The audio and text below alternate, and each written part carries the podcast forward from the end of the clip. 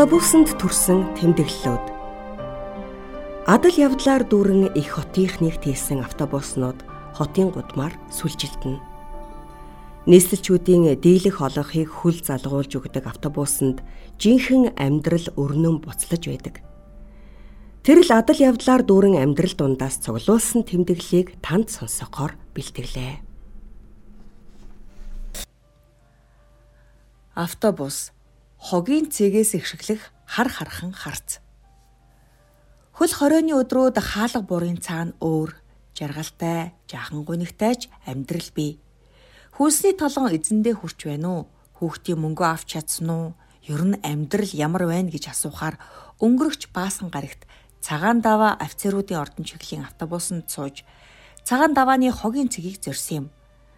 Даваа уруудаад л хамгийн түрүүнд яагаад тийм олон хэрэг цуглаж тэгээд зогсоож хүлээгүй гуаглан эргэлддэг юм боллоо гэж бодогдлоо.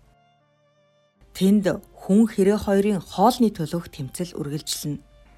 Жавхлан гişүн болоогүй болох тухай бодоочгүй явсан байж болох 2013 оны хэд хар хархан харцдуу 7 жилийн дараач хогийн цэгээс хин нэгний гар утасны хонхонд жингэнэж байна. Байна уу? Би эндээс машин олж суух гэд хүлээж байна. Та хоёр юу хийж байна? За удахгүй очноо. Зурагтын эцэст ээж 4 настай охины хамт амьдардаг 25 настай бүсгүй хүлээж ядсан хоёртойгоо ийн утсаар ярив. Бид нас чацуу юм. Тиймээс түүнтэй ам халуун яриа өрнүүлэхийг зорилоо. Залуусын өнгөрсөн жил бөөм бөөндөө ижилсэн тренд Канада гүүс тэмдэгтээ күртгэхтэй гүртэг жаахан үнс болж саарлцснаас бусдаар норхоогүй.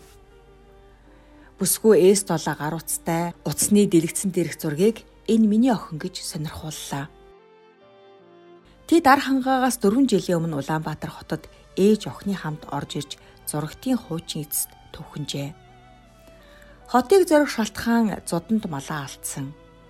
Цайны газарт угаагчаар ажилладаг байсан ч коронавирусын хөл хорионы улмаас ажилгүй болжээ Хөл хорионы өдрүүдэд амьдрал ямар байна вэ гэхэд яах вэ гайгүй өдөртөө боорцог гамбир хайрч өдөштэй шүлтэй хоол хийж иддэг. Хүнсний толгонд хамрагдмаар байна гэсэн юм.